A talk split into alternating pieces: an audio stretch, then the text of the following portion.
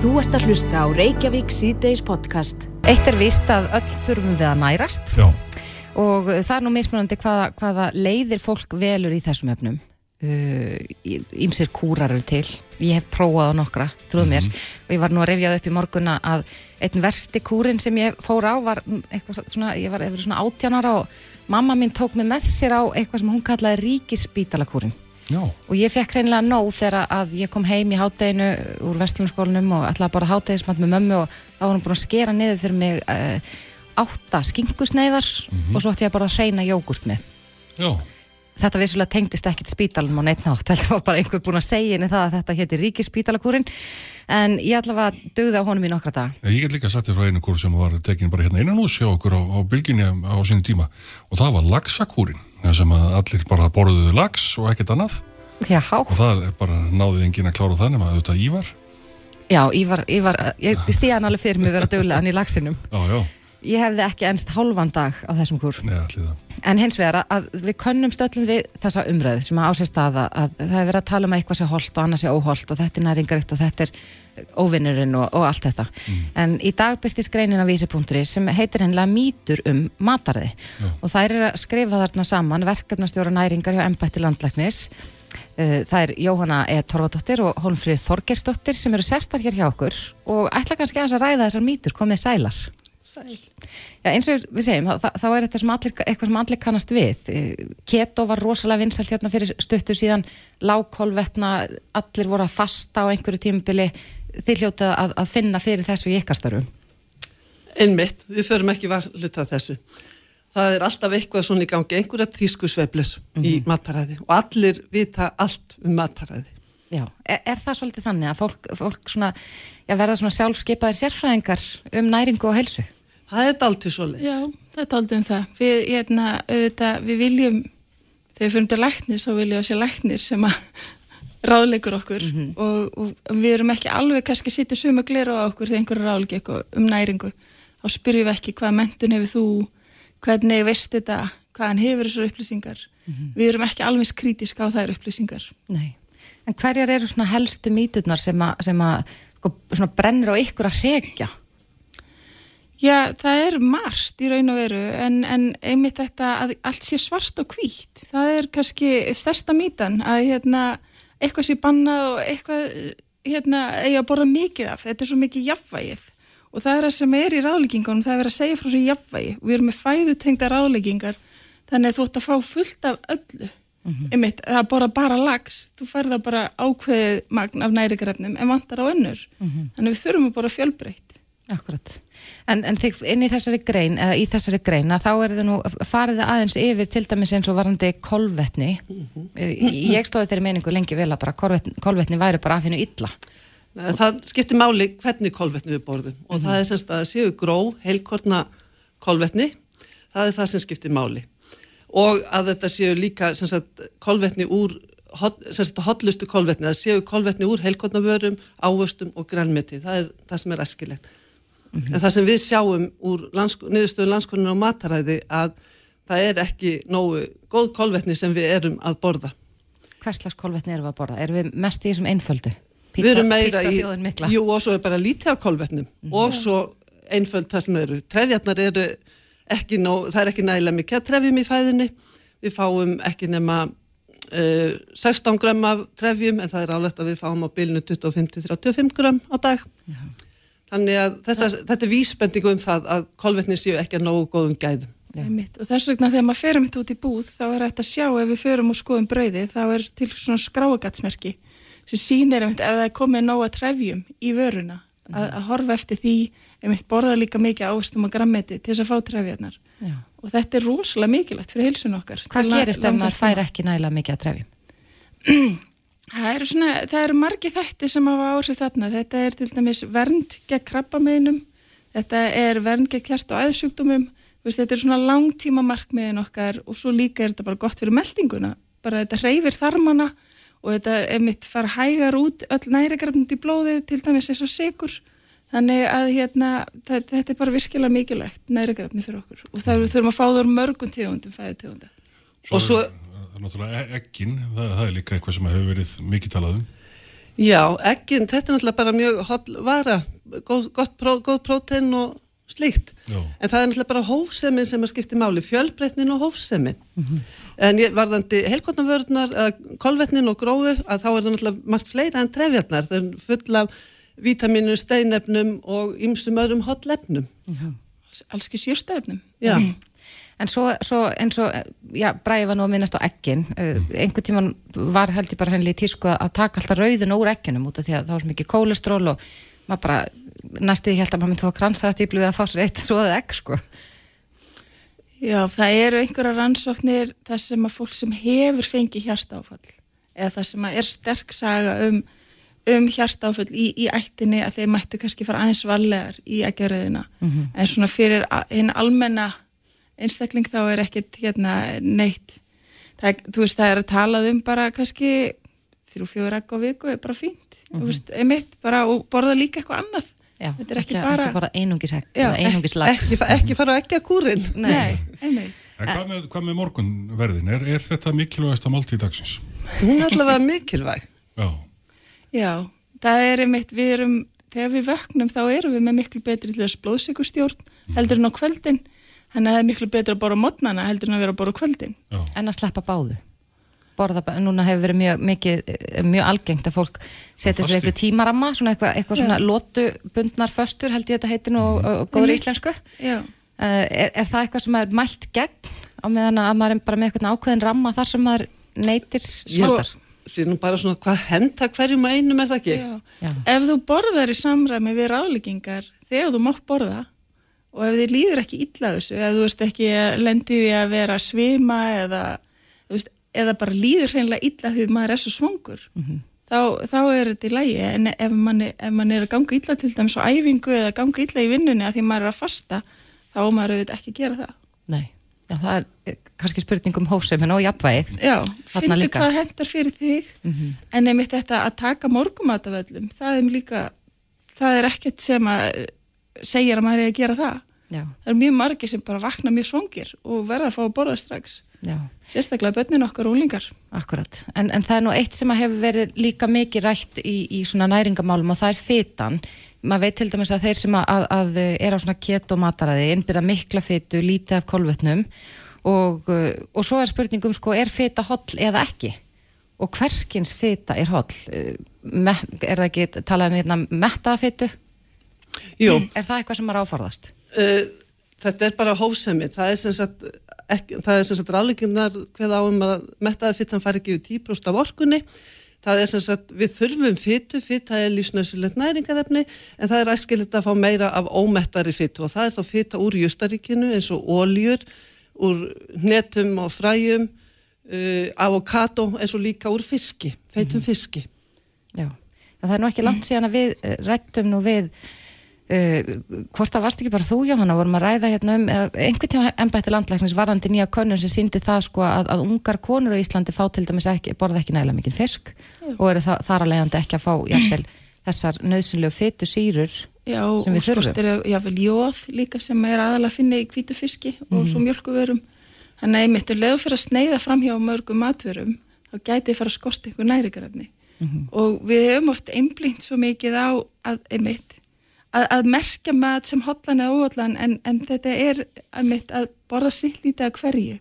Það er aldrei líka síðan þannig að eitthvað er rosalega holdt eins og við tökum stundum vítamin og ætlum að taka rosalega mikið af því af því það á að vera svo gott fyrir okkur. En það getur alveg komið aftan að okkur. Þannig að þetta er svo mikilvægt að hafa þetta jafnvægi og leifa sér einmitt sýllítið af hverju en hafa grunni mjög góðan, borða mikið af heilkotnaverum ávöstum og grammeti, bönum, netum fiski, þannig að borða mikið af þessu fæðutegundum og svo maður hafa eitthvað svona annað með Akkurat Já, Það er engin mikil- bönn, engin bóð á bönn. Nei. Við erum náttúrulega mikil sósu þjóð.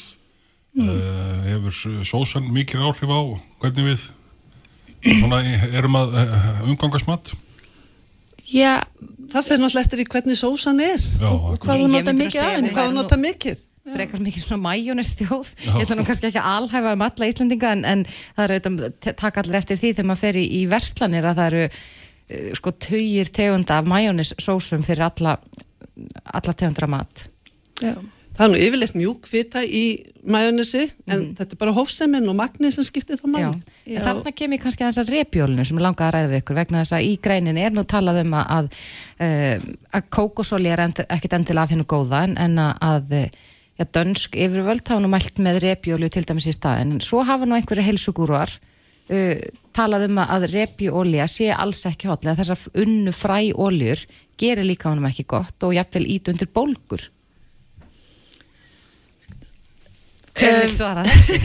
Það- þetta er ekki já, sko. þetta er heita kartaflan auðvitað skiptir máli að, að borða vöru sem eru sem minnst unnar. Uh, og reyna að gera það sem oftast, maður getur ekki alltaf en að reyna, það eru þá oft kannski aðeins stýrar í jörstólíur sem eru að betri gæðum en það er ekkit að því í sambland af því að borða hotlan og góða mat, að borða líka repjólju eins og miðjarhafsfæði sem er mjög vel rannsakað og það er ólífólían, skiptir miklu máli.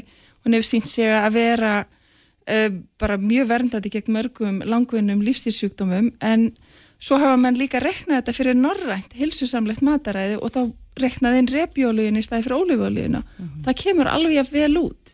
Já. þannig að þetta, þetta gæti ítundi bólgur það hefur ekki við rauk að stiðast það er ekki rannsóknir sem stiða það. Nei.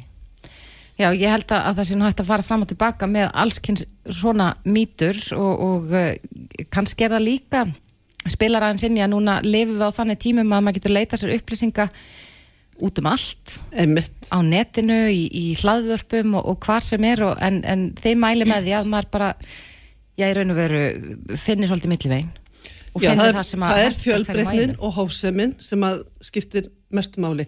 Og við tölum eins og Jóhanna nefndi hérna áðan ekki um að þessi matala sé hotla eða óhotla heldur eða samsetning mataraðisins í heldina sem skiptir mestu máli og þá getur verið að hérna það er náttúrulega ráðlegt að borða meira af ákveðnum fæðutegundum en öðrum. Mhm. en það er sem sagt En þetta útilokar svo litið sko, marga af þessum kúrum eins og Braga Þetta útilokar marga kúra. Já, en að kúrar eru kannski ekki endilega það besta. Sko, við erum auðvitað alltaf að horfa langt fram í tíman. Þegar við erum að gefa ráðleggingar, auðvitað erum við að tala um að þú fáir öll næringarefni sem líka en þarnast hverju sinni, en við erum líka að hugsa fram í tíman.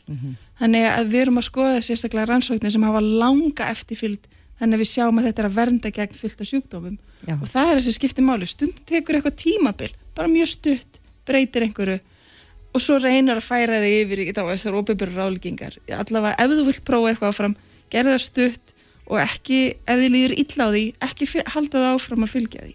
Nei. Þannig að hérna, hlusta þá á sjálfa þig og, og eigið innsægi. Þannig, og kíktu á ráðleggingarnar sem, eru, sem embætti landlætt skifur út. Já, þetta eru góð ráð. Jóhanna Eirún Torfadóttir og Hólfríður Þorgersdóttir, verkefnistjórar næringar hjá Embætti Landlæknis. Kæra þakki fyrir komuna. Takk fyrir. Þú ert að hlusta á Reykjavík C-Days podcast. Á meðan að við býðum spennt eftir því að fá að vita hvernig meirlutin í borginu verður myndaður, að þá eru þetta þessar þreyfingar í gangi og, og eflaust hægt að spá endalist í spilunum hvernig þetta mun fara. Já. En við vitum að það verður spurt að leikslokum. En uh, við fengum í gær til okkar hana Þórtís Lóu Þórhalsdóttur uh, í viðreist og, og vorum að tala um þessa sterku stöðu sem að viðreistn er mögulega í eftir að við rættum við Baldur Þórhalsson, stjórnmálafræði prófessor Já. og hann gaf ekkert mikið fyrir það að framsókn væri með Pálmann sko í höndunum, heldur, heldur væri viðreistn í mjög sterku stöðu líka en uh, svo drónu aðeins til tíðinda í gær í kvöldréttum stöðvar 2 þegar að, uh, oddviti sjálfstæðismanna Hildur Björnsdóttir, ég talaði um að, að það væri eitthvað óvænt í kortunum Já. í þessum efnum hvað það er, það vitum við ekki enn Nei, en hann er komin hingað til þess að ræða þetta við okkur hann Björningi Hrapsson, Ritstjóri Viljans kom til sæl Sælveri. Já, hvernig líst þér á þetta? Núna eru liðnir fimm dagar frá kostingum og við erum eiginlega ekki farin að sjá neitt en þá. Alls konar þreyfingar í gangi, samræður hingað og þangað. Já, e, þetta eru sjálfur sér ekki óvænt bara með við þá stöðu að, að meðlutin fjall. Við áttum hérna samtal rétt fyrir kostningar þar sem Mhm. vorum með mitt að, að spá því að líklega myndi það gerast og, og við tölum um eh, þennan stórsig og framsóknar sem væri í kortunum og hann, hann hérna raungerðist heldur betur. Sko, nú eru auðvitað eh, örþreyttir stjórnmálamenn á nokkrum dögum eftir kostningar allir að reyna að skapa sér einhverja stöðu og það er allir að búa til þá stöðu að þeir séu í, í eftirspurn og hafi tromp á hendi.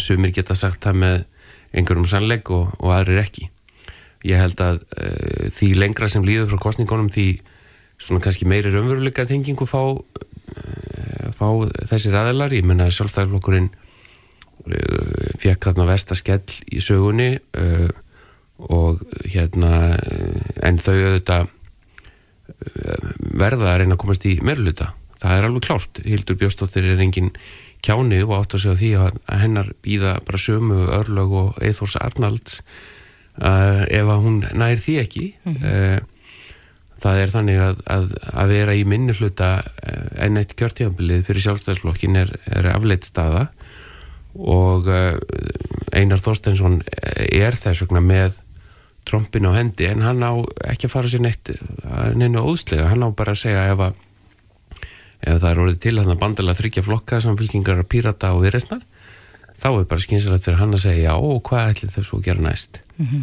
er ekki sósialistar búin að segja þeir ætla ekki vinna með viðreist er ekki Vafge búin að segja þeir ætla ekki taka þetta meira luta þá likur alveg fyrir að þessi þrýrflokkar ná ekki meira luta þannig að að við sáum það bara úr herpuðum við reysnar að þessi blokk var kynnt mm -hmm. en svo kom aukarsetning nánast innan svega sko. að, að þetta sé allavega tímabundið þannig að mm -hmm. ég held að þú veist að, núna sé bara mikilvægt fyrir fólk að fara ekki á taugum Já, en uh, já við, við sáum það, við sjáum það voru fréttir af því að þetta væri fimm mögulegi meirlutar sem að kemur til greina mm. og eh, eins og komið hefur fram í fréttum að þá er Dagur Bjækist ekki svara símtölum frá Hildi Björstóttur þannig að þá er nánast þetta útloka tvo mm -hmm. og, og þá stendur bara einn eftir en, en það er að því gefnu þá að sjálfstæðsflokkurinn framsókn um, viðreist og flokkur fólksins myndi meirluta mm -hmm. svo talar Hildi Björstóttur í fréttum um það að það sé eitthvað óvænt í kortunum gætu við mögulega að séða að, að vinstir grænimunni bara skiptum skoðun og, og við færum að sjá kannski eitthvað svona sveipa minnstur og í ríkistjórn auðvitað er ekki þetta að útloka það en uh, ég held að bakland vinstir grænatelli sé ekki að hafa komin eitt sérstaklega vel út úr því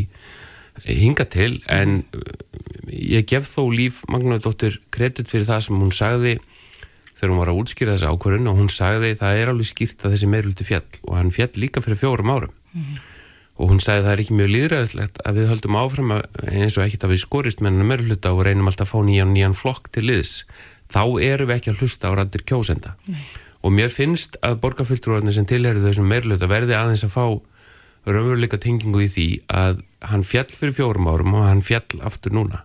Og samt finnst mér eins og samfélkingin tala þegar að, uh, það er upplýst að hann svar ekki símtölum frá Hildi Bjóstóttur mér finnst ekki alveg nægilega auðmygt í því mm. uh, mér finnst skilda allra borgarfulltrúana að tala saman mér finnst ekki að neitt geti sagt að hann sé yfir að hafa henn að svara uh, leðtúa annars flokks mm. tala nú ekki um þegar umræða tvo stærstu flokkana í borgarstjón og uh, mér, mér finnst að samfélkingin sem aftur tapaði mjög miklu fylgi mm -hmm. ætti að, að sko horfa svona aðeins gaggrinum augum á sjálfa sig og velta fyrir sér af hverju eru við ekki að svara símtölum frá leðtú og sjálfstæðismannum og af hverju er dagur að búa til blokk með pýrutum og viðreysn og hvað í óskopunum er í því fyrir viðreysn og pýrata annað en að það hérna, hengir sér á, á já, já. styrki stöðu samfélkingarinnar mm -hmm. er það tilgangur þessara flokka, maður velti því fyrir sér já. En svo höfum við líka séð þetta sáum það fyrirkostningar að bæði pýratar og sósialistar gáfu þar hinnlega út að þau myndi ekki vinna með sjálfstæðismönnum og sósialistar eh, tóku það líka fram að þau myndu heldur ekki vinna með viðreist en nú var gríðarlega mikil endurníun á, á lista sjálfstæðismanna er þetta bara spurningum hugmyndafræðin á bakvið sjálfstæðisflokkin sem, er, sem gerir það verkum að, að, þau bara reynilega neyta að vinna með þau? Já, ég, þetta get ekki svara því frekar en, frekar en þau eru þau einu sem geta það, ég menna við sáum að þessi flokkar gerur þetta líka fyrir alþingiskostningarnir í fyrra mm -hmm.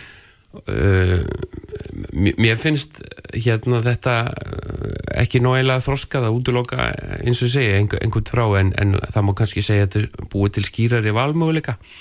Það sem þetta gerir hins vegar að verkum er að sjálfstæðisflokkurinn eins og við rættum hérna síðast og, og líka hérna sprengisandum daginn að, að þetta gerir það verkum að mínum að sjálfstæðisflokkurinn þarf að fara í naflaskoðun hann hefur verið þessi sterkki valdaflokkur sem er oft í meirlutum og í ríkistjón mm -hmm. á grundvelli þess að hann getur svolítið valið uh, sína samstagsmenn en núna í setni tíð er orðið þannig að þeim fer fjölgandi þeim flokkum sem segja fyrirfram að kemur ekkert grein að vinna með sjálfstæðarflokkum, mm -hmm. þar með er alltaf möguleikum flokksins að fækka. Og það þrengir mjög stöðuna núna að, að þessir flokkar sem þú nefndir hafa sagt þetta þeir hafa ekki sagt þetta um neitt annan flokk. Nei, þannig að, að það er eitthvað sem að ég held að sjálfstæðismenn þurfa aðeins að hugsa en finnst mér líka að, að stjórnmálmenni að ég að hætta öllum þessum yfirlýsingum í að útiloka möguleika sem síðan þurfa kannski bara að koma upp vegna þess að það er ábyrð þeirra sem hafa verið kostnir í borgarstjótt og ég er nú fyrirhandi borgarfaldrúi það er ábyrð þeirra að mynda starfhafinn meiruluta mm -hmm. Hvort sem að þeim líka betur að það verð, það er bara hluti af djópinu akkurat. En já, eins og segir, þá varst þú, varst þú borgarfulltrúi. Já. Hvað segir sagan okkur um tímaraman? Ég er svo óþálum á koni, ég er ekkert að býða Það eilífu. verður eiginlega, sko, núna í byrjun júni þá er fyrsti fundur nýra borgarstjórnar og það er svo sem ekki nöðsynlegt að þá sé búið að mynda meirhluta en það er alveg klárt að það er miklu æskilegra vegna þess að þá er þið bara kosið í ráð og og, þessum hérna embættum uh, útlutað. uh, ég hugsa að það verður reynd allt til þess að klára það. Uh, ég held að einar uh, lendi svolítið í því að vera dæmdur illa frá vinstri og hægri hver sem niðurstaðan er. Ef hann myndar meir hluta með sjálfstæðisflokknum flokki fólksins og viðreist að þá mun viðreist fá að heyra það og hann sérstaklega uh, fyrir það að vera búa til uh, sjálfstæðisflokkin aftur í borginni og svo framvegs og vinstra fólkið, vinstri kjósundur verða mjög ósáttir. Mm Ekkert fólkið sem kausan, heldur fólkið sem kausan ekki en Akkurat. vill samt ráða því hvað hann gerir í framhaldinu. Nú alveg eins ef hann uh, lappar upp á þennan meirluta sem fjall, hvort sem það er með samfélkingun og píratum eða öðrum, að þá munum menn segja að það sé verið að viðhalda meirluta sem hefur verið fallið og þá munum menn líka benda á auðlýsingarnarnas sem að gengu allar út á það að það sé komin tími til að breyta og ef að breytingin er svo að uh, stefna meirlutans heldur áfram og uh, þá, þá get ég ekki séð það gangu upp Nei, en, en snýst þetta ekki um málefnin ef að það verður, uh, já, ef, að, ef hann myndar meirluta með, eh, með vinstirflokkunum og málefni framsóknar fá að komast ofarlega blað, Jú, verður- bóðar það ekki breytingar? Jú, en hann, hann verður, jú, en hann þarf þó allavega að ná þeim breytingum fram að hann geti sagt, sko, ég stóð við það sem ég sagði. Hann sagði að úslitin ráðust á miðinni og þessi komin tími til breytingar og þá væntanlega er það þá nýr borgarstjóri og einhvers konar ný stefna Akkurat. uh, allavega í einhverjum stórum atriðum, annars, annars er þetta bara orðin tóm Já. og kjósendur uh, hérna mun alveg eftir slíku, ég meina að það var greinlega vilja til breytinga en uh, þetta dreifist út um allt þess vegna er vandin að búa til Akkurat. hérna, þetta á sín tíma. Ég man að, að ég myndaði meira hlut á sín tíma með sjálfstæðisflokknum þegar að uh, á leinifundi heima hjá Guðlegu Þór Þórðarsin í Grafóinum þegar Ólafur F. Magnússon hjá flokkifólksins var í beinni útsendingu að lýsa því yfir að hann væri að mynda meirhluta Já. þannig að sannleikurinn er ekki alltaf svo sem blasir við við fyrstu skoðu Nei, Þú talaður um það hérna áðan að það, það verið að byggja blokkir, það er búið að byggja eina blokk eftir, eftir kostningarnar. Eh, mætti ég að gera þetta fyrir kostningar, bjóðu upp á skýrar í valkosti? sko það er gert í mörgum löndum og það finnst mér heiðarlegra. Mér finnst heiðarlegra, mér finnst ekkit sérstaklega heiðarlegt að núna segi píratar samfélking og viðreistin við erum blokk eh, en nefndu það ekki fyrir kostningar eh, þeir, dagur sagði það er, það er einbóðið að þessi flokkar tali saman með Vafge ef við náum mér hluta, þau heldu ekki mér hluta Vafge hefur þegar brúðist í því og sagt, heyrðu það líklega best fyrir okkur að draga okkur hlið og leifa öðrum að komast að, það er líðræðislegt og hún hefur verið gaggrind fyrir það en, en líklega er það samt bara mjög heiðarlegt uppgjör hjá henni, það er alveg rétt hjá það er ekki ákall frá kjósendum um að FG sé í mörgulita í borgarstöð Nei. það, það er ekki hægt að komast að þeirri niðurstöð hún rétt nær manni inn uh, aðrar kostningarnir röð og með uh, að mínum að þið frábæran frambjóðanda í öðru seti sem ég skil bara ekki að hafa ekki komast inn í borgarstjórn. En það sýnir andstreymið sem flokkunum var í. Akkurat. En uh, nú, ég veit að það er mjög erfitt að, að spá eitthvað í spilin og veðja á eitthvað, en, en ef þú þyrstir að, giska í hvora áttina framsókn mun sveiflast, hvað heldur þú? Eh, Ég gæti trúa því að það verði til einhvers konar miðhægri uh, meiruluti en uh, það fer bara eftir því hvernig stemningin er í samtölum þessa fólks. Uh, en ef þú vilt breytingar þá hlýtur að vera auðveldar að semja um það við þessa flokka sem, sem eru þar að einn vegna þess að þeir uh, er að komast inn í að telreyndar að oddviti flokks, uh, fólksins hafi komist óheppilega orðið þegar hún sagðist þrá að komast í mörgulta en kannski var hún bara að segja algjörlega frá hjartanu Já, hver staða kannski er var. bara bara þráir að komast í mörgulta Nákvæmlega. ég myndi vilja semja við fólk sem að þráir að komast í mörluta það Nákvæmlega. er auðveldara heldur en þá sem að er ekki vissir í sinni sög Já, en þú segir að við munum, já, mögulega ver, þau verða mögulega komin að einhverju niðurstöðu fyrir fyrsta júni. Já, já, ég bara fyrir, fyrir uh, júnibyrjun, ég held að það sé klárt að það verði tilkynnt um það og, og ég sjálfur sér uh, held ég að það sé ekki langt að það verði farið í formulega viðræður en það, það er eins og er alveg fordæmi fyrir því að þeim sé slitið eins og, eins og bara uh, þegar ég var í, þessu að þá hafði sérst sjálfstæðarlokkun farið í meðlut að vera við Ólaf F. Magnússon og þeim var svo slitið. Uh, og ha, uh, vegna þess að sjálfstæðarflokkun taldi að hann hefði gert óraunhefar kröfur. Og maður heyri svolítið á samfélkingunni núna uh, sama viðhóður gagvart sósialistum að þeir kvart yfir því að, að fyrir fjórum árum hafi sósialistar hafi sett fram kröfur sem ekki hefði verið að ganga, ganga við og, og, og ég, ég veit ekki hvort það sama staði núna en sósialistar fengur meira fylgi núna heldur en síðast þannig að væntalega gera þær ekki minni kröfu núna Nei. Björn Ingi Rapsson, Reitstjóri Viljans. Kæra þakki fyrir kominu. Sumulegist takk Vertu með í umræðinni. Reykjavík síðdeis á bylginni. Við erum með kerruna fyrir þig. Víkurvagnar, Hyrjarhöfða 8, víkurvagnar.is Ali Hunangsmarin er að það grísakótilettur. Okkar allra besta. Sumargrillið með Ali. Borg 29 í Borgatúni 29. Nýju frábæri veitingastæðir í fallegu og þægilegu umhverfi. Þetta er Reykjavík síðdeis podcast.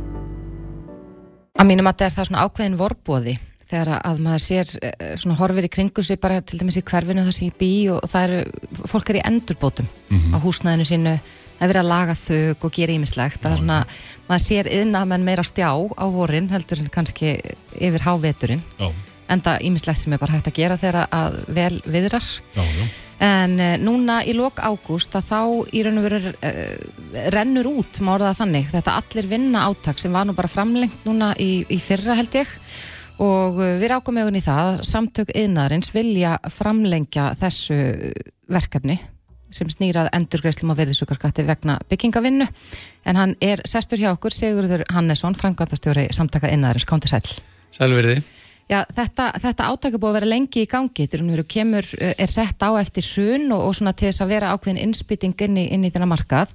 Um, hvers vegna viljið þið að, að þetta verði framlengt?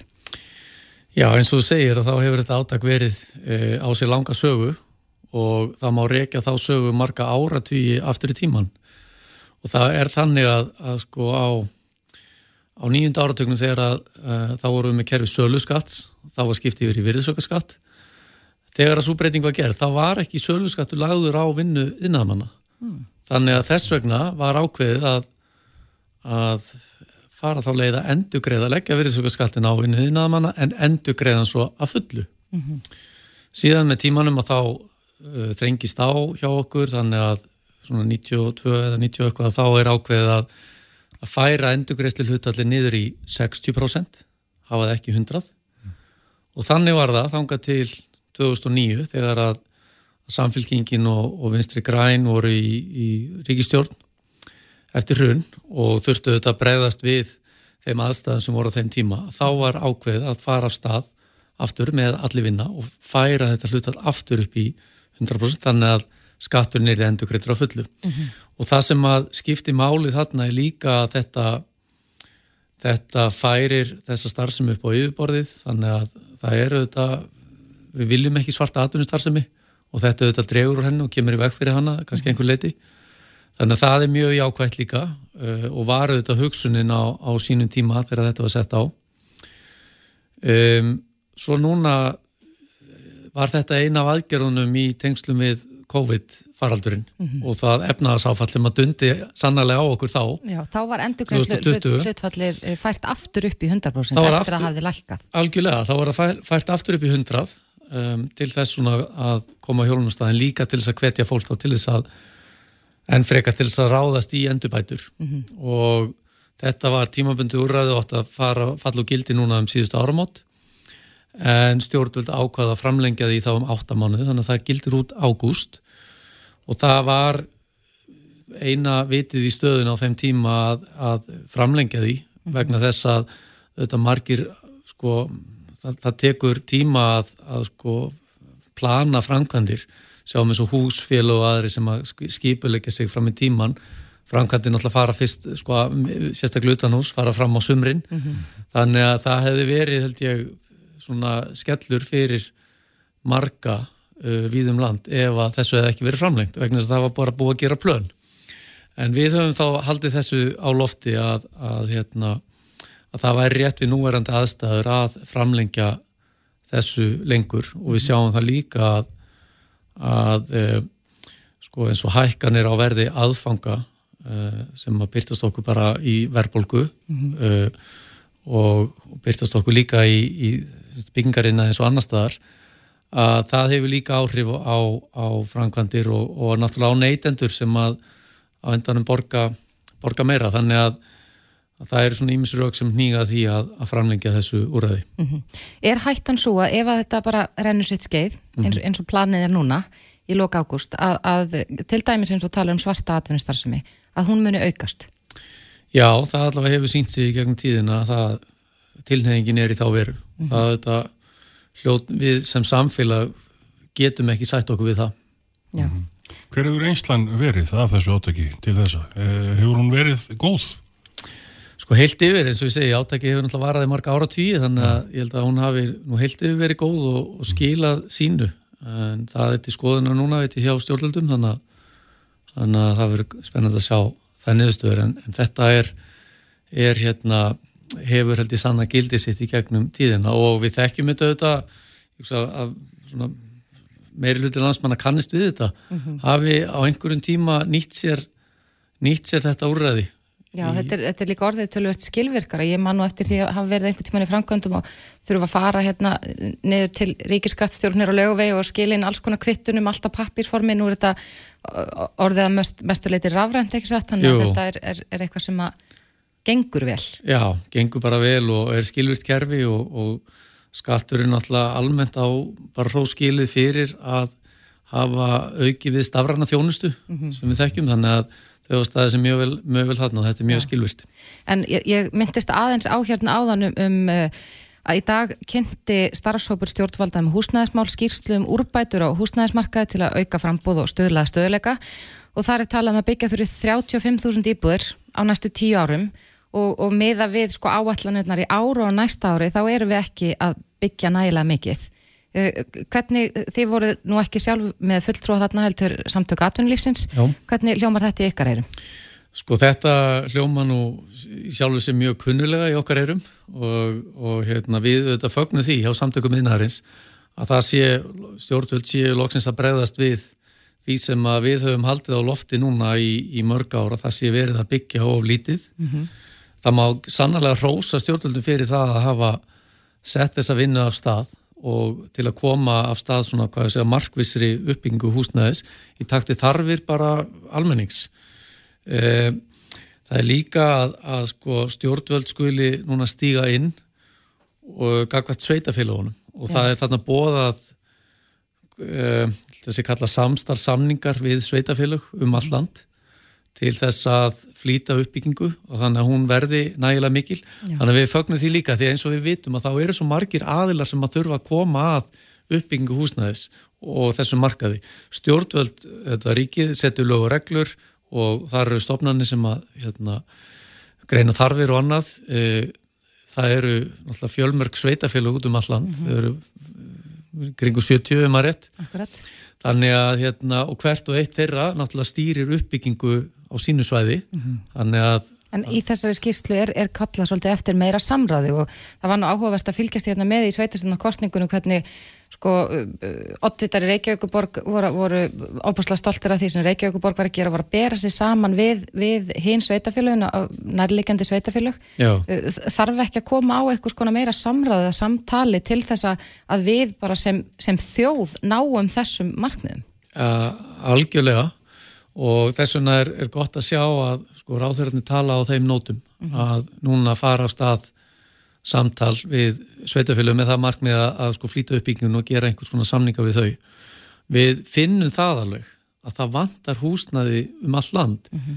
Sko við náttúrulega horfum kannski mest á höfuborgarsvæðið því það er náttúrulega langt stæst og þar búa flestir og, og fólksfjölgunin hefur verið meiri þar en, en sko annar staðar. En þetta er staðan út um allt og við til dæmis vorum á Östurlandi í síðustu viku voru þar að heimsækja fyrirtæki og, og eiga fundi með fólki á svæðinu. Og það sem stóð upp úr öllum okkar viðmælendu þar var að það skortir húsnaði og það til dæmis, það skortir náttúrulega fólk í, til starfa í fyrirtækin. Og það gengur ágætlega að fá fólk en það, ekki, það getur ekki komið sér fyrir á svæðinu af því að það er bara ekki nægt húsnaði og þetta sjáum við bara víða um land, þetta hamlar atvinnuppbyggingu og uppbyggingu svæða þannig að, að þörfin er, er sannlega til staðar, þannig að það þarf kalla líka á svona fjölbreytt úrræði uh, og það þarf þá að setja upp einhvers konar einhvers konar kvata eða annað til þess að, til þess að leysa úr þessu málum. Og Er, er allir vinna mögulega einn kvati í, í þessu? sko það getur haft kannski áhrif á einhver leiti um, en það þarf svo mikið þarna til og grunnvandin er náttúrulega að það þarf bara að byggja fleiri íbúður Já. uh, við sjáum náttúrulega hvernig markaðurinn er það eru fáar íbúður á sölu. Uh, verðið hefur hækkað mjög mikið á, á stuttum tíma. En þetta verður ekki leist nema með því að byggja meira. Og því miður og þá er, erum við ekki að byggja nóg þess, á þessu ári, við munum ekki byggja nóg á næsta ári, vonandi munum við byggja nóg árin eftir en, en sko þetta svona er, eru, eru vísbendingar í, í áttina. Og ég get fullir það að yðnaðurinn er sannarlega til reyðu í þessu uppbyggingu en það þarf svona einhverjar breytingar. Já, ertu bjart sitt náði að, að, að já, nú er þessi starfshópur búin að skila sinni skýrslu, það er kannski fyrsta skrefið í að átta sig á umfangi já, vandans, Mhm. ertu bjart sitt ná að næstu skref verði tekin til þess að mæta þessari eftirspurn? Ég er mjög bjart síðan á það, já, og það var ákveðin grundvallabreiting hérna í, í vetur þegar að öll málefni sko, húsnæðis og byggingamála voru færð inn í eitt ráðuniti. Áður fyrr var þessum sko, ábyrðinni dreift á kannski þrjú, jábel fjögur ráðuniti en núna er búið að flytja ábyrðinni yfir í eitt ráðuniti sem er innviðaráðunitið. Þannig að þar með náttúrulega kemur skýr ábyrð, það kemur yfirsýn, stofnarindar standa sig vel, ég veit að ráðþæran er mjög áhugasamur og, og sko, hefur mikið metnað til að standa sig vel í þessum málum. Þannig ég hef mikla trú á því að, að sko, það takist núna að breyta og ég er samfæri líka um það að sveitjastjórnafólk sem að hlaut kostningu hérna um helgina að það vil líka sjá uppbyggingu og rjúfa þessa kyrstuðu sem að, sem að hefur verið víðum landi í þessum málum. Já, skulum enda þetta á þessum bjart sínis nótum, Sigur Hannesson, frangotastjóri samtakaðinaðarins. Kæra þakki fyrir komuna. Takk hérlega. Þetta er Reykjavík C-Days podcast. Það gerist nú mjög oft bræja þegar að það er einhver svona umræðum um efnagsmál, stýrivægsta hækkanir, verðbólgu og ímislegt fleira.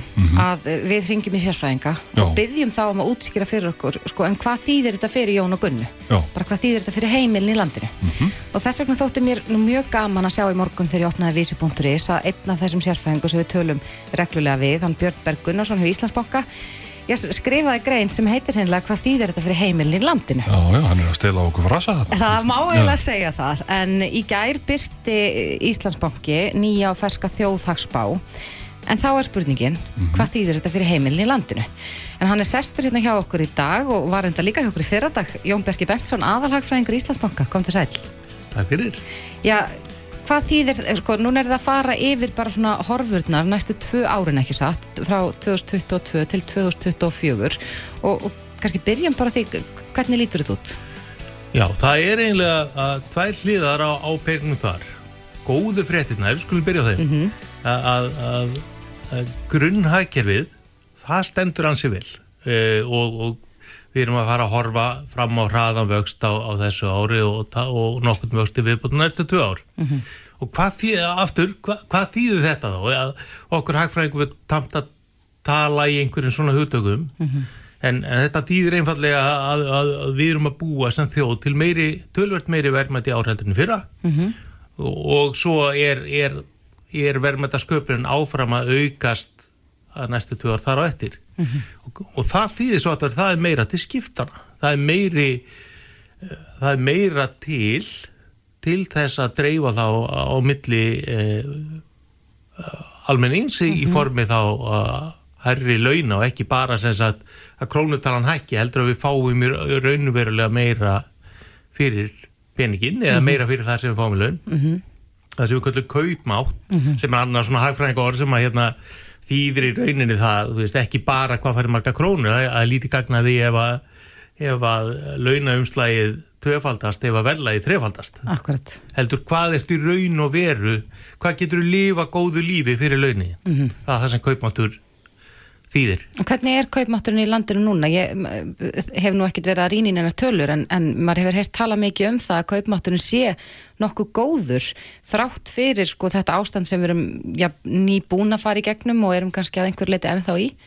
Já, það er nefnilega alveg lígilegt og, og þessi kreppa sem við fórum í gegnum þegar faraldurinn stóð sem hæst, hún sker sig úr með það að, að öfuti það sem að nánast hefur reglæðin á Íslandi þá þurfti fólk ekki að taka á sig ymmit að fá uh, miklu minna fyrir peningin það er að segja þess að kaupmátturinn, hann, hann held áfram að vaksa Já. það það hefur aldrei verið þannig. Það hefur- við þekkjum þessar íslensku kreppa sem gefur mikið verðbólka uh, aturlýsi ríkur upp án einhverja meira átt að móta þess aðgerða og, og hérna launin hækkar rætt og allt í hennu er, er minna til skiptana Já. sem betur fer þá, þá var það ekki þannig í þetta skiptið.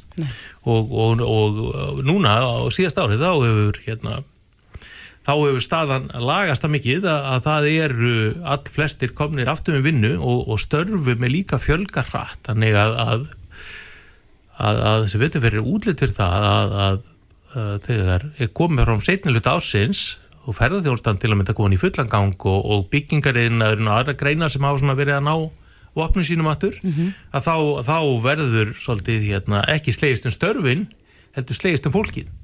Og, og, og þessar greinar munu þurfa að leita á ný uh, á önnumi, að segja út til landstæðina til að bara finna fólk til að fylla öll þau störf sem er að skapast. Það er náttúrulega við erum, erum svolítið góðu vön hérna á Íslandi en höfum við svolítið fengið svona skelli en, en þar sem aðurleis er þrálátt þá þekkja menna það verður svo óbóðslega það hefur svo neikvæð áhrif það dregur allan allan svona andlegan þróttu fólki það skapar alls konar félagslega vandamál og það getur verið mjög erfitt að vinda ónaði þegar, þegar hátt aðurleysi við fessi í sessi.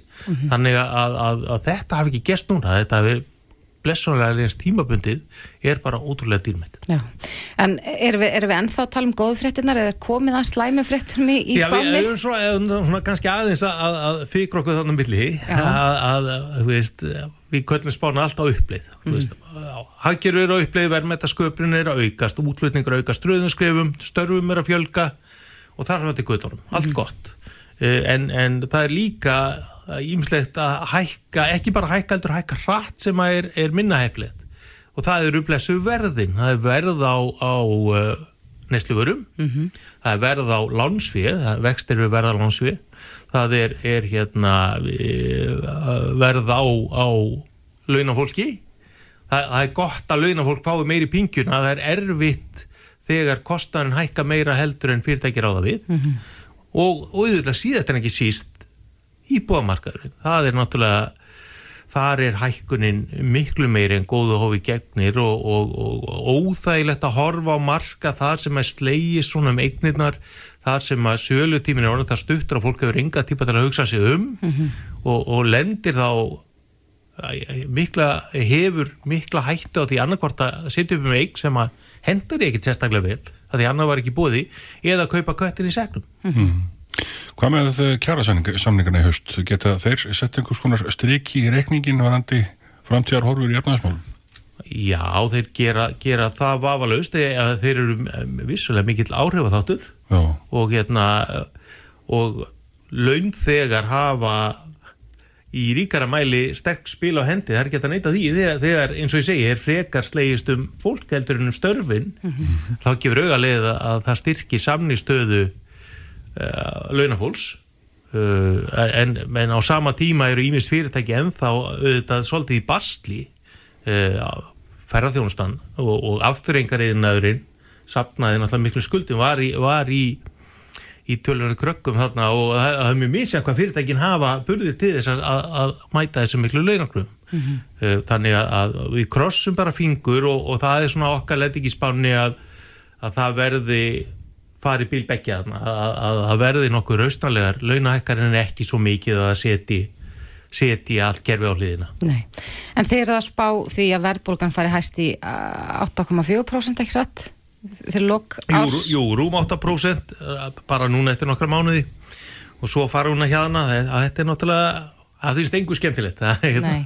við þekkjum það nú en, en það kaldtænslega er að við á Íslandi þekkjum verðbólgu illu heilli betur heldur en flestar aðra þjóðir. Eh, það hjálpar aðeins núna vegna þess að það eru alla þjóðir að, klíma við þetta. Eh, við erum svolítið vön að stíga ölduna þarna, reyna svolítið að taka mið af því að verðin geti verið að breytast. Á meðan nágrannar okkar heyra á kannski aldrei upplifið þetta bara uh, frá blötu barspinni En þannig að þetta er kannski meiri skellur fyrir þær þjóðir sem að þekkit ekki. Já, það held ég alveg tímalist og við sjáum það svona, það hefur verið kannaður hugur hjá almenningi í löndunum við kringum okkur. Og það, það er skýrt þar svörin sko að, núna til fólk hérna, verðbólgu þar í landi mestu ógnina eða í þeim löndu segir nú mestu ógnina svona sem að því stæðjar og, og kannski mei að þú veist er rættara heldur en endilega er innistæða fyrir. Bæði vegna þess að þekkir þetta ekki og vegna þess að, að, að það er ekki vant í að laun hækki nokkuð tíman umfram, þú veist, 1-2% á ári. Og, og, og, og uh, samstað, þú veist, verkalýsfélögur eru þetta ekki eins útbreytt við æletis eins og í okkur. Þannig að, að, að, að það er upp á, á fólk sjálft komið að, sækja sér kjarabættur ríkari mæli. Á meðan við svona búumst frekar auðvitað við því að, að aukinni verðbólgu sé mætti allavega hluta Já. með meiri launahækunum, við erum kannski svona róleiri fyrir vikið Já. En við vorum nú hérna í, í þessu öllu þessu COVID ástandi þá töluðum við oftar en einu sinni við Áskar Jónsson Sælabankastjóra og, og það var alltaf freka mikið gleði tíðindi þegar vextir lækkuð og lækkuð og lækkuð en, en ég, ég held að allir gerði sér nú grein fyrir því að þeir gætu ekki verið svo lágir í langan tíma en, og eru nú að fara hækkandi. Munið þeir hækka mikið meira? Töluverti við búin já uh, við búumst við að, að vextinni verða mellir 5 og 6% í áslagstýrivextinir og eins og nafnið ber til kynna sem þess að þá stýra þeir vextir öðru vakstast í landinu. Þannig að, að, að það er í lóhjökvæmlegt að að aðri vextir hækki þá í kjölfarið og það kemur auðvitað ítla við marga.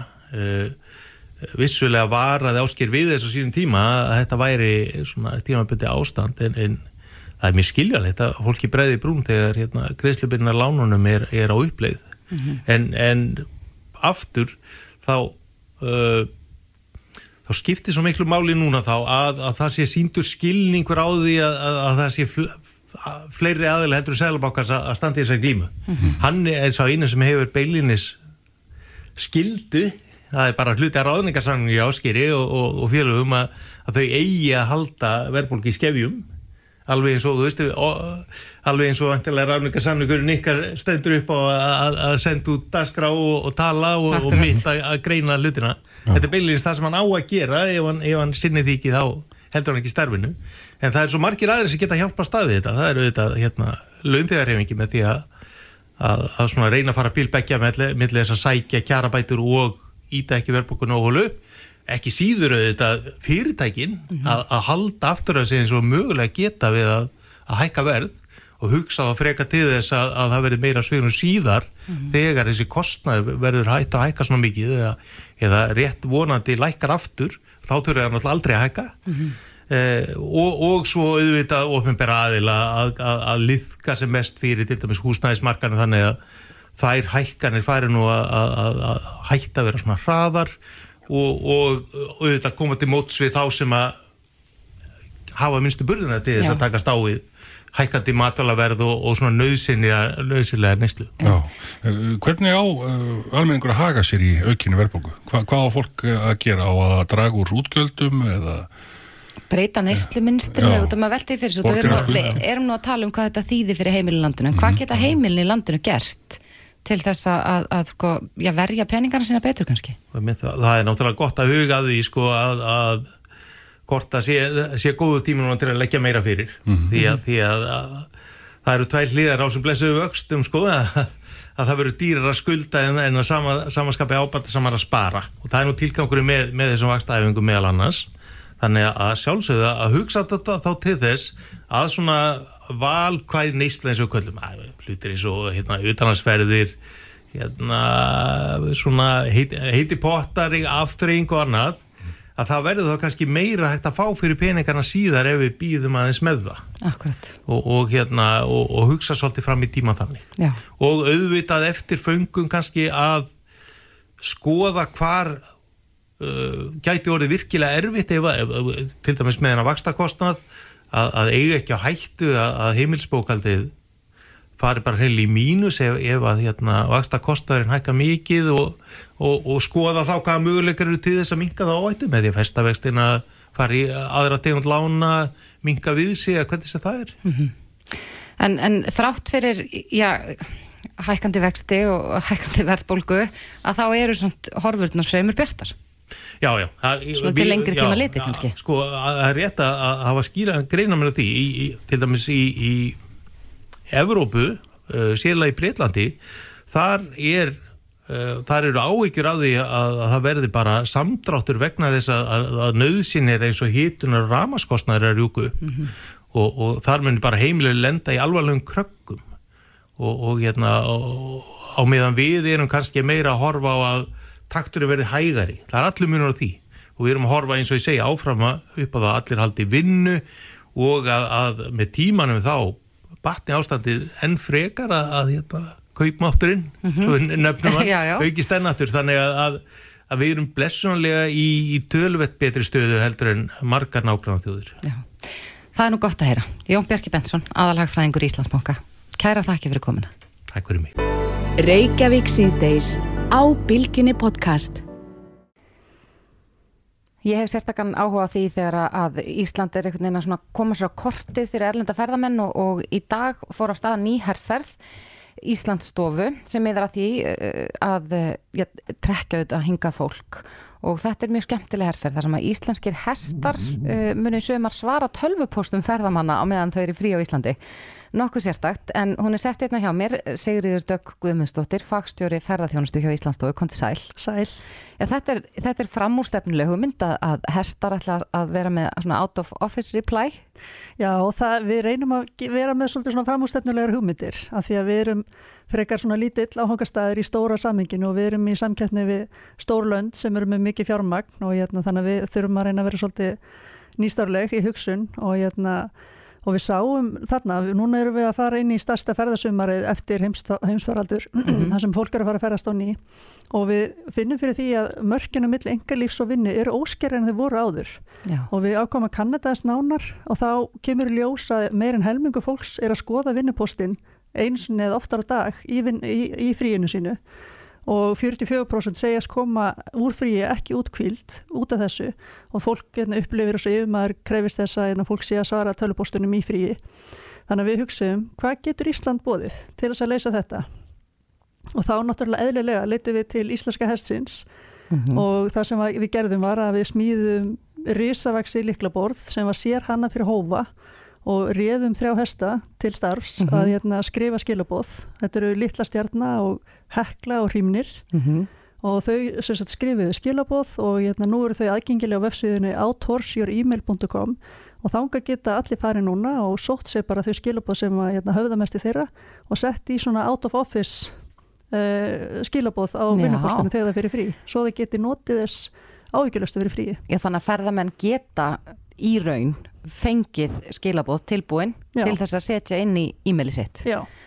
Ég nefnilega, ég sá þetta myndband í morgun óbúslega skemmtilegt, gaman að sjá hestin vera þarna á, á liklaborinu og ég hugsa að þetta lítur að vera tölvugert, það er ekkit svona liklaborð í alvörinu ekki starfði í náttúrunni Þetta er bara alvöru liklaborð og alvöru tengt og alvöru skilabóð alveg við, hérna, við lofum því og, Mhm. hérna, og við gerðum svona behind the scenes myndband sem er líka hægt að sjá á síðunni til þess að svona útskýra betur hvernig það var gert og þarna sér fólk einmitt líka að það var hugsað mjög vel um hérna, hestana Eh, við vorum að vinna þetta í samstarfi við hérna, Horses of Iceland markasverkefnið eh, sem að hérna, gengur út á það að kynna hérna, íslenska hestin og hérna, auka veg hans mm Mhm. -hmm. aðlundu vettvangi þannig að já, þetta er bara, þetta er allt alvöru Já, það, það er mjög gaman að heyra en, en þ- þessar markasherferðir ykkar hafa þetta margar vakið gríðarlega aðtegli nú síðast var það Æsland vörs uh, auglýsingarnar þar sem að, já, já, ég man nú ekki hvað hann heitir sá sem að hann átt, þetta átt að líkast allavega Mark Zuckerberg Já. Hann, Jörundur hérna. Jörundur leik hann en Já. ég man að nafnið, hans, nafnið á sko karakternum í auðlýsingunum svipaði mjög til Mark Zuckerberg Já, þetta var náttúrulega algjör tilviljun þetta líktist honum sko, þetta var hérna Sack Mossbergsson Sack Mossbergsson, Já. nákvæmlega en, en svo auðlýsing vakti þetta bara heimsatikli og var, var svona væra lögjum hann og sletta aðeins ég Já. þekki ekki orðið á íslensku yfir það og meiri að ná, náði það langt að Mark Zuckerberg uh, kommentaði, skrifaði undir einhverja færslu Já, það, við settum þetta í loftið hérna, viku eftir að Mark Zuckerberg var búin að kynna Metaverse Mhm. og hérna, þá kemur þessi hugmynd upp og, og við sem sett á Íslandsstofu við vinnum mjög náða með auðlýsingarstofunum uh, SSNK og uh, MSI Satsi í Mhm. Bandaríkjunum og Íslensku stofunni Píl og þessi hugmynd kemur frá þeim en með þeim uh, skilabóðum við þurfum að hérna, vinna þetta svolítið rætt af því að hérna, það var að vera að kynna Metaverse þannig að viku eftir að þau komið þetta til okkar þá er búið að hérna, skrifa handrit og, og ráða leikara og leikstjóra og aðra og taka upp myndbandið og við setjum það í loftið. Og ég held að það hafi svona, svona orsakað þessa miklu velgengni af því við náðum að tímasetningi. svo hratt við. Og það, við erum náttúrulega að gera það á grundvelli þess að við erum með hérna, mjög náið samstarf og gott sem að getur hlaupið hratt og brúðist hratt við. Akkurat. Þannig að það var hérna gríðilega gaman og svo var ekki minni ánæði þegar við sáum um þetta að Mark Zuckerberg svaraði sjálfur skilabóðinu Já, og þar sagði hann nú að hann myndi nú vilja heimsækja Æslandvörs og svo kom í ljós bara hérna fyrir örfándum síðan að hann er eða var á landinu. Já, hann, hérna, það var mjög ánægilegt að segja það. Hann hefur hérna, svara kallinu Akkurat. ákveðu komin til landsins sér þessum En, en þessar auglýsingar, eins og, eins og þessar uh, nýju auglýsingar, Your Email, uh, á hvaða markað erum við að herja? Uh, við erum með skilgrænda líkilmarkaði fyrir íslenska ferðarþjónustu og uh, akkurat þessi herrferð hún uh, verður sérstaklega áberandi í Bandaríkjanum og Þýskalandi. Mhm. Uh, þar erum við með keifta byrningar núna næsta mánuðin og svo erum við einnig að gera almanntengsl í þeim löndum en líka í Breitlandi og Fraklandi. Já, og, og hvernig tölur erum við að tala um að ég held að, að íslensk markasetning hér á Íslandi við erum náttúrulega bara fámenn þjóð og, og kannski lítill markkópur að ræða við. Hversu stór hópur er þetta sem við erum að reyna ná til? Já, við erum, við erum einmitt mjög lítill áfangastæð í stóra saminginu og uh, þegar mest var uh, 2018 og 2019 þá voru koma 2 miljónum ferðamanna til landsins. Og í Savia var núna gefa út spá og þau gera á fyrir 1,5 miljón manns uh, komið til landsins á þessu ári og það eru gríðalega jákvæða fréttir sem að segja okkur að Ísland er uh, eitt af þau löndur sem er að jafna sig einna hraðast eftir heimsfaraldurinn. Og þetta hefur alltaf mjög mikið að segja fyrir íslenska ferðarþjónustu og bara efnaðarslífið í heild af því að ferðarþjónusta er algjör svona undirstöðu atvinningurinn á Íslandi. Þannig að það er mjög ánægilegt að sjá það að það hefur tekist í gegnum heimsfaldurinn að viðhalda eftirspyrn eftir Ísland sem áfangastað. Og það er alls ekkert sjálfsagt að fólk sé að velja Ísland umfram aðra áfangastaði. Nei. Þannig að við, það er mjög ánægilegt að sjá það en mikilvægt við séum uh, alltaf á vaktinni við þurfum að hérna, viðhalda þessum áhuga, við þurfum að viðhalda líka réttu skilabóðum sem við erum að senda út og við erum að senda líka á skilgrænda markhóp Mhm. uh, við viljum laða fólk til landsins sem að hérna, ber virðingu fyrir náttúrunni og vill ferðast hérna utan háanar, við erum líka að reyna að fókusa svolítið á það, mm af því að við viljum kynna Ísland sem helsa og sáfangastað Akkurat. við erum einnig líka að reyna að ná til fólk sem vill ferðast víðar um land, ekki bara vera bara í höfuborgun til dæmis af því að hérna, það er eh, mjög mikil fókus fyrir okkur að kynna alla landsluta Já, Já við, við vorum í gæra að tala eins um ferðarþjónustuna og, og þá var hann um, frangatastjóri Íslandshótela að segja við okkur að, að það væri nú aðeins farið að tegjast úr þessu tímbili áður fyrir var þetta bara júli og ágúst en nú væri svona júni og september að læðast inn og jafnvel eitthvað aðeins lengra. Er, er það ykkar, ykkar tilfinning líka að þetta sé að, að, sé að dreifast meir úr þessu? Já, alveg hérna, tímanu löst og við sáum það árið 2012 það var Ísland með mestu árstíðasefluna af öllum Norðurlöndunum. Mhm. En síðan uh, var bara markvist farið í það að reyna að kynna Ísland sem heils og sáfangastað. Og það var líklega árið 2017 minnum þá voru komin í annað sæti og eftir Finnlandi yfir minnstu árstíðaseflu á Norðurlöndunum. Og Finnland er með gríðilega sterkan vetraferðarþjónustu þannig að ég veit ekki hvort við ná, ná nokkuð tíman að, hérna, að velta þeim úr sessi. En þetta skiptir mér miklu máli fyrir innvið á Íslandi að það er að reyna að, að tryggja að innviðin nýtist allt árið. Akkurat. og það hjálpar okkur í þessu strjálbíla landi að hafa ferðarþjónustana og ferðarmennir hjálpa okkur að viðhalda eftirspyrn eftir þjónustu sem að kemur heimafólki svo vel. Já, kannski bara þetta að setja sér þessi markmið að ná Finnlandi Já, þetta er gott að, markmið. að setja markið átt. Akkurat, en kannski rétt að lokum uh, hvernig hafa viðbröðin við auglýsingunni verið í dag? Herði, við settum þetta lofti í morgun og viðbröðin hafa verið bara vonum framar, gríðalega jákvæð og við finnum að fólk kann virkilega vel að meta þennan húmor sem mm -hmm. við erum að setja í herrferðinar og þetta getur verið mjög vand með færi tól að nota húmor í markasetningu en það hefur gefist okkur vel og hérna, er mjög svona kröftugt tól til þess að ná í gegn. Mm -hmm. og það er það sem við erum að líka reyna að gera til þess að láta skilabóðin ná lengra að nýta húmórin og til þess að hérna, fjölmjöla kjósi að fjalla um það sem við erum að gera Já. þannig að við þurfum ekki að kaupa hverja einustu umfjöllun eða hérna, kaupa hver einstu byrtingu til. Akkurat. Þannig að það skiptir miklu máli en hérna, ég fengi gríðilega viðbröð, góð viðbröð bæða ellendis frá og líka innanlands. Íslendinga verist verið að taka mjög vel á mótið þessu þannig að ég hvet bara fólk til þess að fara inn á autosjúremail.com endilega nýta þetta bara sjálft fyrir sig að því við auðvitað eigum vel skil að fá að vera frí þegar við erum í fríun okkar. Ég held að þetta sé mjög góð ámenning eftir, eftir þetta skrítna ástand sem að heimsfaldurum var þar sem að mörkin eins og þú segir á milli vinn og engalíks mm. ja, afmáðust pínlítið þegar maður var að bara brjóta saman fótt og svara e-mail á sama tíma Nákvæmlega. að, að ég gefa sér það bara að fara í frí þegar maður er í frí. Já, ég held að margi, mjög margi tengja nefnilega við þetta þannig að þetta er svona Þetta er ákveðin svona áminning til okkar allra og, er, og við höfum líka svolítið í þessum herrferðum núna meðan heimsfaldin stendur við erum að leggja svolítið áherslu þetta skoða hva, hver eru vandamálin og hvað getur Ísland bóðið upp á mm -hmm. til þess að hérna, leta fólki lífið Já. og hérna, við gerum það í hérna, letið átherrferðina þar sem vorum að bjóða fólki að, hérna, að öskra, að öskra og hleypa út svona pyrringi verið að vera fastur heima og komast ekki neitt mm -hmm. og í fyrirsömmar þá vorum við með svettbentbúts um, herrferðina þar sem við vorum bjóða fólki að hérna, taka hérna, joggingbuksnar þvældi og gömlu og hérna, breyta þeim í gunguskó til þess að nota til þess að upplifa ævintýri og fengum mjög góð viðbröðu því mm -hmm. og, hérna, og þetta er svona uh, úr sama ranni Já. þessi hérna, skilubóð Var heyrið það. En þetta er skemmtilegt og vekur aðtikli en, en Sigrir Döggvumsdóttir, fagstjóri ferðarþjónustu hjá Íslands og kærar þakki fyrir komina. Takk fyrir mig. Reykjavík síðdeis á Bilginni podcast Ég held að það hafi mjög margir fylst með því í gær þegar að Valur var e, Íslandsmeistari í korfugnalleg.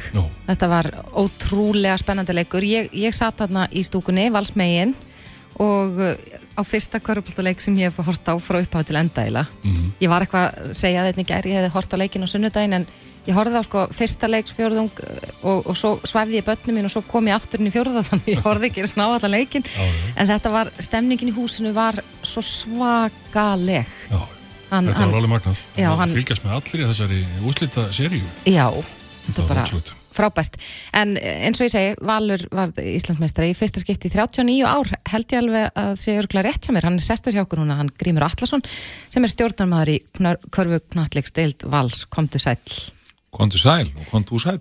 Eh, hvernig er þessi dagur búin að vera og hvernig var að fylgjast með leiknum í gerð?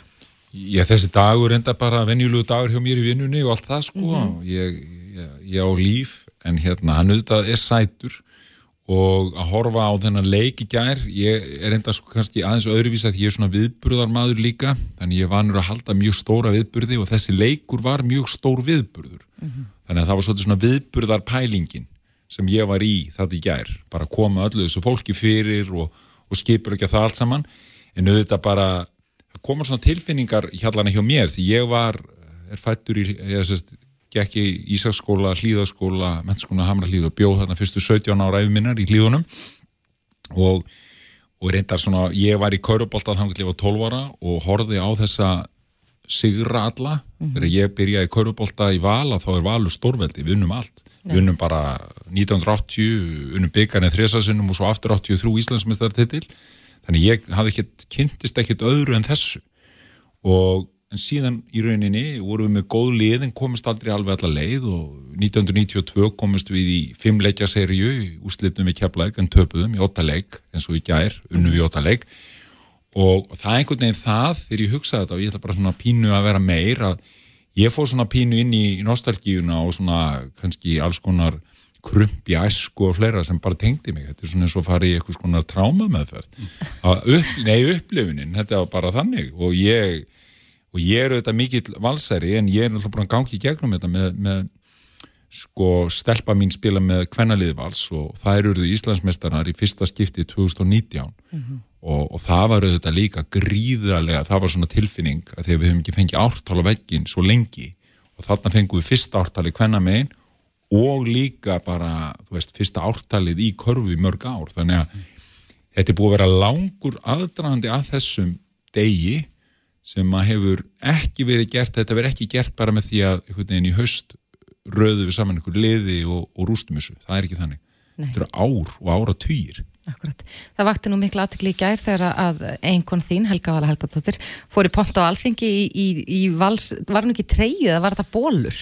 Nei, þetta eru þetta voru bólið sem voru gerðir fyrir þegar stelpunna voru keppa um Íslandsmeistaratitil í fyrsta skipti Mhm. þá voru orðið deildameistarar, byggameistarar og það var gerður svona, svona, gerður svona kassi þá var þetta haka í eða þeir eruð Íslandsmeistarar Já.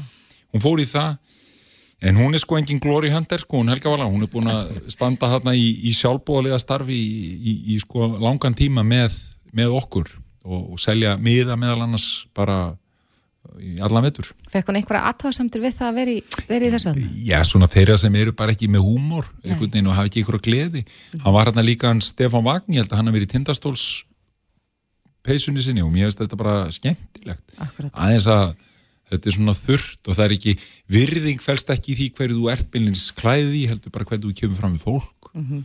En ég, ég hef tekið eftir því, nú er ég alveg búin að upplýsa það að, að ég hafði ekkert verið að fylgjast með hverjupólta þar til bara síðustu helgi. Mm. en mér finnst þess að þetta sé svolítið þetta sé búið að hrífa bara hreinlega þjóðina. Allskens fólk sem að ég veit um sem að hefur aldrei fylgst með körfubólta bara er allt í hennu núna bara mjög djúft sokkið, eða var djúft sokkið í, í þessa viðreign uh, vals og tindastóls. Já, það er, þetta er sko, það þessi stöð hér, þetta, þetta apparat hér sem byrja með korfubólta kvöld og, og þetta allt saman sem er búið að vera í gangi núna í 7-8 ár sem að bara, lítill þáttur og orðin starri og starri og starri hafi smitað og síðan bara svona og það byggir undir þetta allt saman og svo komum við inn í þessa úslitakeppni og þetta er auðvitað fyrsta úslitakeppnin alvöru eftir COVID. Þetta var svona hálgerð úslitakeppni fyrra það voru svona skamtaði hólf og svona og síðan voru náttúrulega tindastóls fólk var svo frábært í að búa til mikla stemmingu sem að valur þyrfti einhvern veginn, við getum ekki verið þekkt fyrir að vera ekki mikla stemmingu, við vorum með mikla bara ná meir og þetta þau svona bæði svona ákveðin hátt í ákveðin hátt gerðu meiri og meiri og meiri stemmingu Já. sem endar í því ef við höldum þarna ég kalli þetta viðburð, menninga viðburð stærsta íþrótta viðburð sem ég held að vera haldinn innan hús á Íslandi. Ég held það bara, þetta Mm. voru það voru fleiri þarna heldur en í lögatarsöll á góðum degi sko. Hversu margir voru þarna? Ég- Mér fannst bara eins að það var alltaf þverfóta fyrir Nei, fólki. nei, það en, er- en gríðarlega vel að þessu staði ég get nú rósað ykkur fyrir það að það var alveg skýrt hvar maður mátti vera og allskynns gæsla og, og Já, bara, já, við vorum, með, við vorum með, þetta var auka leifi á húsinu, þannig að við erum hérna vel yfir 2000 manns, svona 2200, svona opinbera tölur Mhm. og hérna, og, og hérna, en það, sko, það er auðvitað bara í svona húsum, þau ber ekkert meir en það, þú veist, þetta er, þú veist, þetta var alveg, þetta var alveg á þann, þetta var þann mörg, en þetta var bara þannig að það var allt í orden, það var bara að passa upp á að við værum ekki að fara okkur að, að voða í þessu, það, í gamla daga þá, þá var verið að setja í mjög lítil hús, kannski þúsund manns, sem að mættu kannski vera 200-300 manns í, það er búið sem betur fyrr, en, en þarna voru við með, þarna vel yfir 2000 manns og, og, og, og það var, það var ótrúlegt, sko. Já, var kannski verið að setja bara ný viðmið fyrir Ég, næstu ári ykkur á mótan. ég vona sko líka bara til að sjá hvað þetta er mikil og góð skemmtun, hvað er gaman að taka þátt í þessu, hvað er skemmtilegt að fara kannski með fólkinu sínu og eins og við fljúum hérna eða Íslendingar eru duglegar að fljúa eitthvað til útlanda til þess að sækja svona viðburði. Ég meina að kostaði 2500 kall að koma á hann á leik. Það- við, við vorum að ræða við kollega okkar í náðan og hann sagði ég farið á, á sko, NBA-leiki, ég hef farið á allskynnsleikin ég hef aldrei farið á svona leik. Nei. hann bara var að bera þetta saman við, við það stærsta Já, sko. ég, ég farið á marga NBA-leiki þú veist, það er ekkert, þú veist, þú ert kannski úslita keppninni alveg á mjög það er öðruvísi, alveg loka úslita keppninni, þá er næst kannski en það er aldrei svona þétt stemming Nei. En, en heldur að, að þetta haldi áfram eða var æsingurum bara í kringum þessa ég, leiki ég vona eða, bara við, við bara byggjum á þessu og förum svolítið að sko, þáttaka fólks, bæði þáttaka í því að vera með og þó maður sé ekki alltaf að spila þetta að vera bara með í þessu, þetta er góð skemmtun. Þú veist, þetta, er, þetta er gaman það er gaman að horfa á svona gaman að upplifa svona, gaman að taka þátt í þessu gaman að starfa við þetta líka það er nú svolítið skortur á því í þessu samfélagi að, að, að hérna, maður vil alltaf fá eitthvað fyrir eitthvað sem maður gerir Já. en það er ótrúlega gaman að hafa verið í þessu núna í, í sko, já, ára tugi í Já. einhverju sjálfbóðastarfi og síðan uppskermaður, fyrst með stelpunnar og svo núna strákana. Já, við óskum ykkur bara innlega til hamingju og okkur, ég er nú yfirlistur valsari sjálf en Já, til hamingju. takk fyrir, Grímur Allarsson, stjórnamaður í Körfu Knatleikstild Vals, kæra þakki fyrir komuna. Takk hjá Hlustaðu hvena sem er á Reykjavík C-Days podcast. Ég hef oft talað um það að ég er, er, er eh, já, engin kokkur. Nei. en ég er ennþá verri bakari. Ég, mér hefur tekist oftar en einu sinni að klúðra um, svona Betty Crocker kökum sem ég vissi ekki að var hægt að klúðra Nei, það er ekki hægt að klúra þeim. Eh, Jú, það er hægt. Mér hefur tekist það tvisvar. Já. En uh, sumir eru bara reynilega mjög góður í svona og ég dáist að fólki sem að nostrar við kökur og matargerð og býr til einhverja svona litrika, fallega, flotta rétti og það lítur allt svakalega vel út og bragðast eflust mjög vel. Já. En ég er ekki þar. En hins vegar rákast við á, á grein inn á mbl.is í dag þar sem er verið að tala um litabombur fyrir mat og fleira. Ég var allavega forvitin að vita meira um þetta og þær eru komnar hinga Toppa Marnos, atarnakona og eigandi Granóla Barsins og Katrín Amni, eh, eigandi Kavita EHF sem er eh, meðlans framlegir Iceherbs bætiefni, komið sælar. Góðan daginn. Góðan daginn. Já, ég veit ekki alveg hvort ég hafa verið að útskýra þetta rétt. Lita bombur, er þetta bara Já. fyrir mat? Nei, sko, uh, stutta útgáfan er svo að ég hef alltaf vilja lita mat og eins og sérst á bara kókuskólum og öllu sem við gerum á grannlega barnum og ég hef alltaf verið mjög óveðandi, hef alltaf bara, þegar við kynntumst það var, Kat, sem úlingar, það var, var Katrin skilda svart og hvít voru litir, ég skildi það ekki. Og gallabuxur þurftu ekki að vera í lit, sko, það máttu bara vera í gallabuxna lit. En ég sem sagt, bjó um tíma í Brasilíu sem var skiptinni mig og þar var konsétt Mari Leini sem að sér saumaða með plastfött þannig að of mikið af öllum litum alltaf hefur bara að starta þessu plastfött. það var plast, plast var heitt þannig, ég veit ekki okkur og ég var alltaf þung þegar hún getur ímyndar það voru plastbuks og, og magatoppar í stíl og Mari Leini blessunin, hún saumaði fram á nótt og bætti við böndum og einhverjum dúllum og snúllum og þetta náði utan manna á endanum og þetta, og ég svo fyrst árið í Vestló eftir ég kom heim til skiptinum, þá mætti ég náttúrulega bara í Mari Leini dressinu og það var svona kannski ekki alveg lett, rétt lesið það krát Nei. en einhvað síður þá hefur þetta haldist í menn þessi brjálæðislega litakleði. Og við vorum alltaf að flytja inn einhver duft og rauðróðu duft og mala og eitthvað til að lita alltaf granulabarnum og svo fórum við Katrin að tala saman og ég hugsaði mitt, of hverju er ég að flækja hlutina þegar maður þekkir eitthvað sem á vítaminfyrirtæki og veit allt um bætiefni? Of hverju samanum við ekki kraft okkar? Sem við gerðum af því að við, ég var alltaf að kaupa þú getur keift rauðrófuduft, bláa spirulínu kveitigræs og túrumik eins og við erum að nota allt í pókum og þetta er yfirleitt bara 2, 3, 4 skall pókin 50 grömm. Og það er engin að fara að kaupa að leta krema einhverja köku duft fyrir 20.000 þannig að okkur dætt í hug að nota þá bara vítamin reynslunarna Katrínar og Hilkin og allt þetta og pakka í raun þessum þessari ofurfæðu, rauðrófudufti spirulína, túrumik og, og, og hérna, hveitigrasi. í hilki og í sem sagt, þessum litabombum eru 80 hilki 20 á hvernig lit. Þannig að þú ert kannski búið til smjörkrem og vilt þessi guld þá bara opnar eina turmerik úti eða þú ert að blanda gin og tónik handa kæristanum og allir nú aldeilis að flippa. Þá opnar eitt blátt úti eða þið bara snar vantar einhyrninga sótavatt fyrir kvöldið. Þá opnar eina rauða og eina bláa bræi og hann er alltaf langaði grænt fótabað Alltaf. hann er alltaf að tala um það. Alltaf. Að Já, um að þá opnar bara eina bomb út í hvað sem er og svo má náttúrulega og stelpunum mínum finnst rosa gaman að opna tvær rauðar eða tvær þrjá rauðar út í baði einum einn og bláar hinum einn og blanda saman og sjá að verið fjólblott. Eða eins og ég, þú veist, ég hef mér þess að lifta maður vasslita með þessu og ég lita jógurt og sósur, sheika uh, voða mikið drikk þetta sést náttúrulega langt best í einhverju glæru og hvítu. Þú veist, það verður mest svona vivid rosalega gaman um þetta að vera með í badnamálum og svona sótavatni í öllum litum. Og það, þannig erstu líka komið með bara vítamín og bara ótrúlega góð, góð, hérna, góð efni fyrir líkamann versus það að vera að nota aukaefni sem eru bara mjög skadileg þú veist, það eru rannsókn, komið stór rannsókn í fyrra sem sýnir sko hversu skadilegir hérna, matalitir sem eru bara úr aukaefnum geta verið á börn og sérstaklega á börn með ADHD og þá, og þá sérstaklega litirnir sko rauður, gulur og blár og ég meina það er ekkert svo langt síðan að munið að skitla svo bannað Ísland og M&M þú veist að við Katrín vorum alast upp alveg, mamma hennar er flugfræð þannig að hún gæti redda skittler skilur þú veist. Alltaf smigla bara Já, en, en það var alveg ástæði fyrir því. þetta er bara mjög óæskilegt. Þannig að of hverju ekki að vera að fá ofurfæðu í líkamann í staðan fyrir viðbjóð? En, en Katrín, má ég, má ég bara taka hilkin sko, eins og þau eru og bara gleypa þau til þess að fá þá bætiefnin. Já, klárlega, þetta Eða náttúrulega eru bara hreina æð. jurtir. Þetta eru bara hreina jurtir í hilkjum Mhm. bara eins og önnur bætefni eru og eins og æsherps bætefni nokkar eru. Þannig að litabomban er bara hérna, er bara, þetta eru bara hreina jurtir þetta eru bætefni, þetta er ofur fæði hilkjum þú mátt bara gleypa þetta eins og þið listir. Mhm. við erum ekkert að hvetja börn til að gleypa þetta skiljið, þetta er meira hérna, meiri leikfang fyrir þau í, í eldúsinu Þannig og við hlökkum líka bara til að sjá hvað notendur munu, munu sína okkur hvernig það ætla að nota þetta því að það er ekkert búið að tæma listana af, af tækifærum. Nei. Er fólk eitthvað að setja þetta saman við kjöt? Er til dæmis þetta að fá bláan hambúrgara?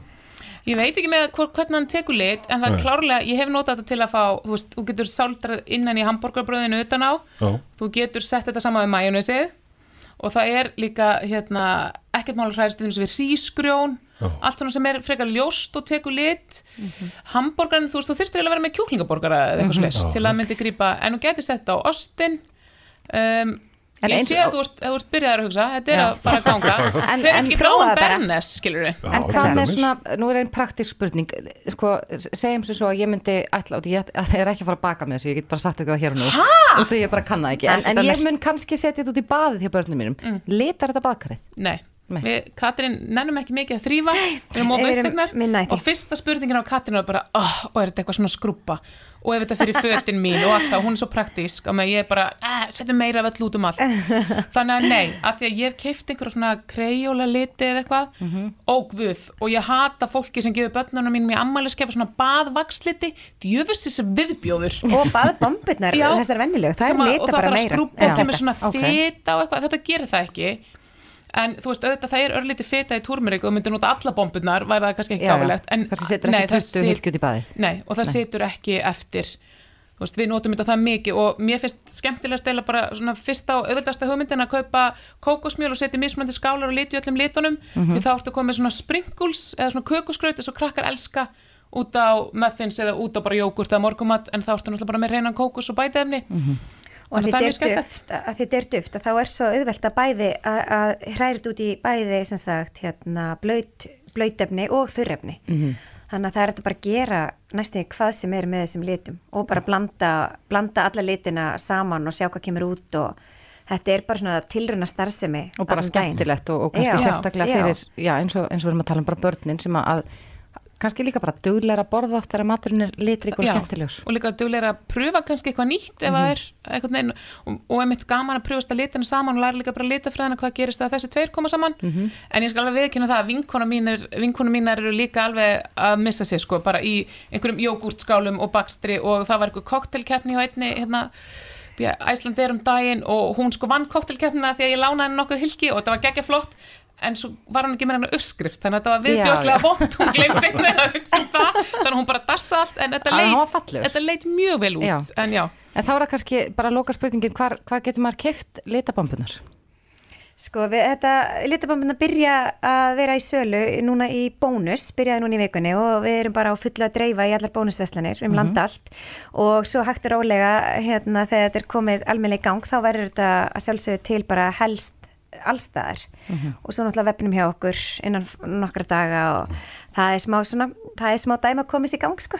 Já. og aldrei gleyma því að þetta er einhyrningastand þannig Já, að allt- þetta fer ekki fram fram hjá manni í og bónus, finnur sem sagt. einhyrningin og í svona stærri verslunum er þetta í einhyrningunum Spennandi. Mm Toppa Marinós og Katrin Namni, litabombur. yes. Takk fyrir komuna. það var lítið, takk fyrir okkur Og þá er bara þetta um að ljúka í dag. Já, við fyrir að skipta yfir fréttastofan eftir örskama stund Mhm. en við minnum að sjálfsögða það að, að öll viðtölun eru komin bæðin á vísi.is og inn á Bylgju appið.